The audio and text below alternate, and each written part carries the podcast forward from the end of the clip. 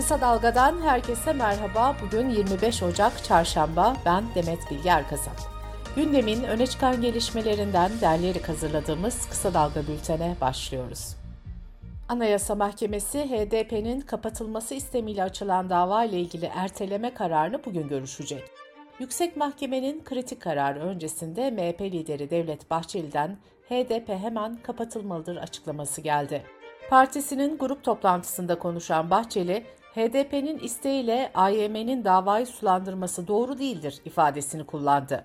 HDP eş genel başkanı Mithat Sancar ise Bahçeli'nin sözlerine sert tepki gösterdi. Bahçeli'nin Anayasa Mahkemesi'ni tehdit ettiğini belirten Sancar, artık anayasa diye bir şey kalmadı. Anayasayı ayaklar altına almak konusunda en ufak bir çekinceleri yok. Bu sadece MHP'nin söylemi olarak anlaşılmamalıdır. Bu iktidarın, rejimin politikasıdır dedi. Mithat Sancar muhalefete de şöyle seslendi. Bu kadar açık anayasa ihlalleri, bu zorbalık karşısında sessiz kalamazsınız. Bu planları hep birlikte bozalım. Bu hepimizin halka karşı tarihi sorumluluğudur. Bu arada MHP'nin grup toplantısının ardından gazeteci Yıldız Yazıcıoğlu, Devlet Bahçeli'ye Sinan Ateş cinayetiyle ilgili MHP yönelik bazı suçlamalar var. Bu iddialara yanıt verecek misiniz diye sordu. Bahçeli eşlik edenler gazeteciyi elindeki mikrofonla birlikte itti. Bu sırada Devlet Bahçeli'nin de gazeteciye işine bak dediği duyuldu. Gazeteci Yıldız Yazıcıoğlu, benim için üzücü olan nokta itme eylemini yapan kişinin milletvekili olması. Polis değil, korumalar değil.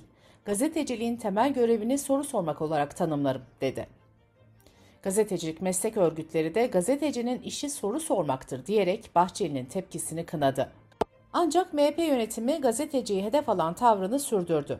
MHP'nin medya, tanıtım ve halkla ilişkilerden sorumlu Genel Başkan Yardımcısı İsmail Özdemir, Bahçeli'ye soru soran gazeteci Yıldız Yazıcıoğlu için ajan provokatör edasıyla hareket eden şahıs, yaptığı gazetecilik değil gibi ifadeler kullandı. Bu arada eski Ülke Ocakları Başkanı Sinan Ateş'in öldürülmesiyle ilgili soruşturmada da yeni bir gelişme yaşandı. İki kişi daha tutuklandı. Böylece dosyadaki tutuklu sayısı 15 oldu. CHP Genel Başkanı Kemal Kılıçdaroğlu seçim tarihi için 14 Mayıs'ı işaret eden ve Demokrat Parti'nin Yeter Söz Milletindir sloganını kullanan Cumhurbaşkanı Erdoğan'a yanıt verdi. CHP lideri ey Erdoğan yeterse senin saraylarına yeter. Senin beşli çetelerine, mafya babalarına, uyuşturucu baronlarına yeter dedi. Kılıçdaroğlu geçtiğimiz günlerde Erdoğan'ın bir kez daha aday olmasıyla ilgili bir soru üzerine YSK üyelerini atayan kim? Erdoğan. İtiraz edeceğin hiçbir yer yok demişti. CHP liderinin bu sözleri eleştirilmişti. Kılıçdaroğlu partisinin dünkü toplantısında bu konuya da değindi ve şunları söyledi. YSK'nın hangi olaylarda nasıl karar vereceğini hepimiz biliyoruz. Sanki biz başvuracağız, YSK hukuka uygun karar verecek. Akıl var, mantık var.'' Türkiye seçime doğru hızla giderken Yüksek Seçim Kurulu'ndaki üyelik seçimlerinde ise kriz yaşanıyor. YSK Başkanı Muharrem Akkaya ile birlikte 5 üyenin görev süresi dün doldu. Bu 5 üyenin yerine Danıştay 2 yeni üye seçti. Ancak 3 kişiyi belirleyecek olan Yargıtay'daki seçimde kriz çıktı. Fevzi Eroğlu'nu önceki gün YSK üyesi olarak seçen Yargıtay'da iki üyenin seçimi konusunda iktidar kanadı içinde anlaşmazlık yaşandığı belirtildi. Welle Türkçe'den Alican Uludağ'ın haberine göre özellikle muhafazakar ve milliyetçi grupların oyları kendi aralarında anlaşmazlık yaşandığı için bölündü. Bu nedenle seçimin 14. turundan da sonuç çıkmadı. Yargıtay'daki bu seçim sonuçlanmazsa görev süresi dolan YSK Başkanı Akkaya ve diğer 4 üye görevine devam edecek. Bir üyenin dahi eksik kalması durumunda yeni seçilen üyeler görevine başlayamıyor.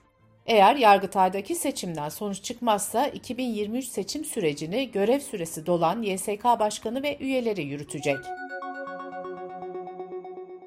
Tarım ve Orman Bakanı Vahit Kirişçi, kurak bir kış geçiriyoruz, yağışlar çok yetersiz ancak şu an için bir kriz söz konusu değil dedi.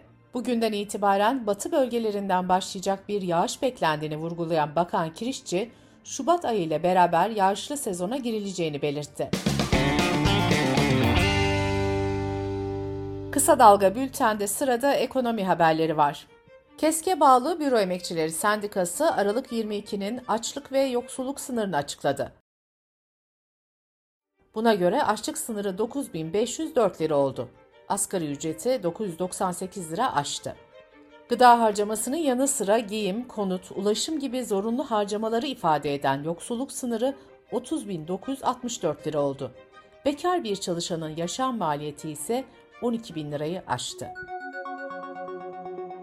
Birleşik Metal İş tarafından Schneider Enerji'de başlatılan grev, Cumhurbaşkanı Erdoğan'ın imzasıyla 60 gün süreyle ertelendi. Ertelemeye gerekçe olarak milli güvenliği bozucu nitelikte olması gösterildi. Sendikalı işçiler ise yasağı tanımadı ve dün sabah halaylarla greve başladı. CHP Genel Başkan Yardımcısı Veli Ağbaba grevin yasaklanmasına tepki gösterdi. Ağbaba, işçilerin anayasal hakkının engellendiğini söyledi. Tarım ve Orman Bakanı Vahit Kirişçi, Ankara'da simitin 7 lira olmasına tepki gösterdi. Biz unluk buğdaya hiçbir zam yapmadık, bizimle ilgili bir durum yok diyen Bakan Kirişçi, ben anlamadım, %40 oranında zam yapıldı, biz buğdaya zam yapmadık ki, dedi. Çalışma ve Sosyal Güvenlik Bakanı Vedat Bilgin, emeklilikte yaşa takılanlar düzenlemesinin maliyetinin en fazla 150 milyar lira olacağını söyledi. Bakan, düzenlemenin bu hafta meclise gelebileceğini de belirtti. EYT kapsamındaki borçlanmaların yapılandırma kapsamında olmayacağına değinen Bakan Bilgin, mevcut kanunda bin gün eksiğin varsa çalışacaksın. Böyle bir borçlanma yok diye konuştu. Amerika Birleşik Devletleri merkezli otomobil üreticisi Ford'un Avrupa tesislerinde çok sayıda çalışanın işine son vermeyi planladığı belirtildi. Ford bir süre önce aldığı kararla 14 bin kişinin istihdam edildiği Almanya'nın Köln kentindeki fabrikasında içten yanmalı motorlu araçların üretimini durdurmuş ve elektrikli araç üretimine geçileceğini açıklamıştı. Sendika ise 2024'e kadar 3400 kişinin işten çıkarılacağını açıkladı. Dış politika ve dünyadan gelişmelerle bültenimize devam ediyoruz. Helsinki yönetimi Finlandiya, İsveç ve Türkiye arasındaki NATO görüşmelerine ara verilmesini istedi. Finlandiya Dışişleri Bakanı Pekka Havisto, ortam sakinleştikten sonra devam etmek en iyisi dedi. Bakan Havisto ayrıca ülkesinin NATO'ya üyeliğini İsveç'le aynı anda gerçekleştirme stratejisinin gözden geçirilebileceğini de söyledi. Aşırı sağcı politikacı Rasmus Paluda'nın Türkiye'nin Stockholm Büyükelçiliği önünde Kur'an-ı Kerim yakması gerilimi artırmıştı. Cumhurbaşkanı Erdoğan da İsveç'in NATO üyeliğine onay verilmeyeceğinin net olarak sinyalini vermişti. Bu arada Finlandiya, Türkiye'nin iadesini istediği bir kişiyi daha sınır dışı etti. Böylece Finlandiya 2019-2022 yılları arasında 3 kişiyi Türkiye'ye iade etmiş oldu. İsveç ve Finlandiya Rusya'nın Ukrayna'ya saldırmasından sonra NATO'ya üye olmak için başvurmuştu. Üyeliğin gerçekleşmesi için NATO'ya üye olan ülkelerin meclislerinin ayrı ayrı onayı gerekiyor. İki ülkenin üyeliğini henüz kabul etmeyen iki ülke var, Türkiye ve Macaristan. Konuyla ilgili NATO Genel Sekreteri Stoltenberg'den de açıklama geldi. Kur'an-ı Kerim yakmak gibi uygunsuz eylemlerin ifade özgürlüğü nedeniyle otomatikman yasa dışı kabul edilmediğini söyleyen Stoltenberg, Türkiye ve Macaristan'a üyelikleri onaylama çağrısı yaptı. İsveç'te Kur'an-ı Kerim'in yakılmasıyla ilgili bir tepki de Amerika'dan geldi. ABD Dışişleri Bakanlığı Sözcüsü Ned Price, Kur'an-ı Kerim'in yakılmasının tiksindirici bir eylem olduğunu söyledi. Ned Price, eylemin NATO'nun birliğini sabote etmeye yönelik olabileceğini de belirtti.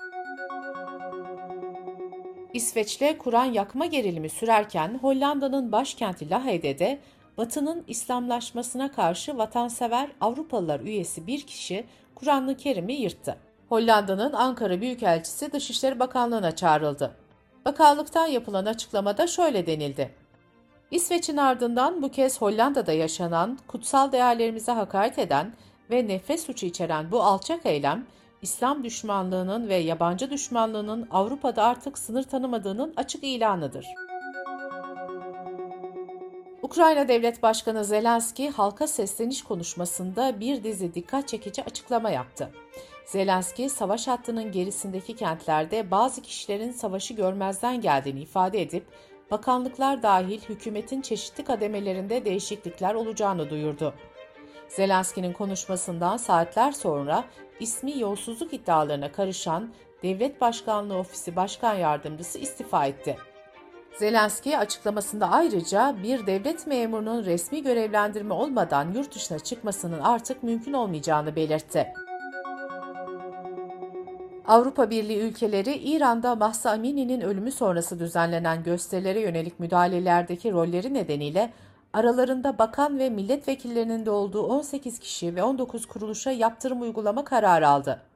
Bu yaptırımlarla birlikte Avrupa Birliği'nin kısıtlayıcı tedbir uyguladığı İranlı kişi sayısı 164'e çıktı. Yaptırımlar Avrupa Birliği üyelerine seyahat yasağı, varlıkların dondurulması ve bu kişi ve kuruluşlara yönelik fon yasağından oluşuyor. Ayrıca halka baskı aracı olarak kullanılabilecek bazı malzemelerin ve takip cihazlarının da İran'a satışı yasaklanıyor. Amerika Birleşik Devletleri'nin Kaliforniya eyaletinde 67 yaşındaki bir kişi 7 kişiyi öldürdü. Saldırgan polis ekipleri tarafından otoparkta bir aracın içinde yakalandı. Önceki günde yine Kaliforniya'da 10 kişi öldürülmüştü. Amerika'da yeni yılın ilk 3 haftasında 38 kitlesel silahlı saldırı meydana geldi. Dünya Sağlık Örgütü 3 ülkede 300'den fazla çocuğun ölümüne neden olduğu tahmin edilen öksürük şurupları ve ilaç tedarikçileriyle ilgili soruşturma başlattı. Dünya Sağlık Örgütü bugüne kadar Hindistan ve Endonezya'daki şurupları üreten 6 ilaç üreticisi firmayı tespit etti. Bu üreticiler şimdiye kadar ya soruşturma hakkında yorum yapmayı reddetti ya da zehirli maddeleri ilaçlarda kullandıklarını inkar etti. İlk koronavirüs aşısını geliştirerek tarihe geçen Uğur Şahin ve Özlem Türeci, şirketleri BioNTech'i Almanya'dan İngiltere'ye taşıyacak.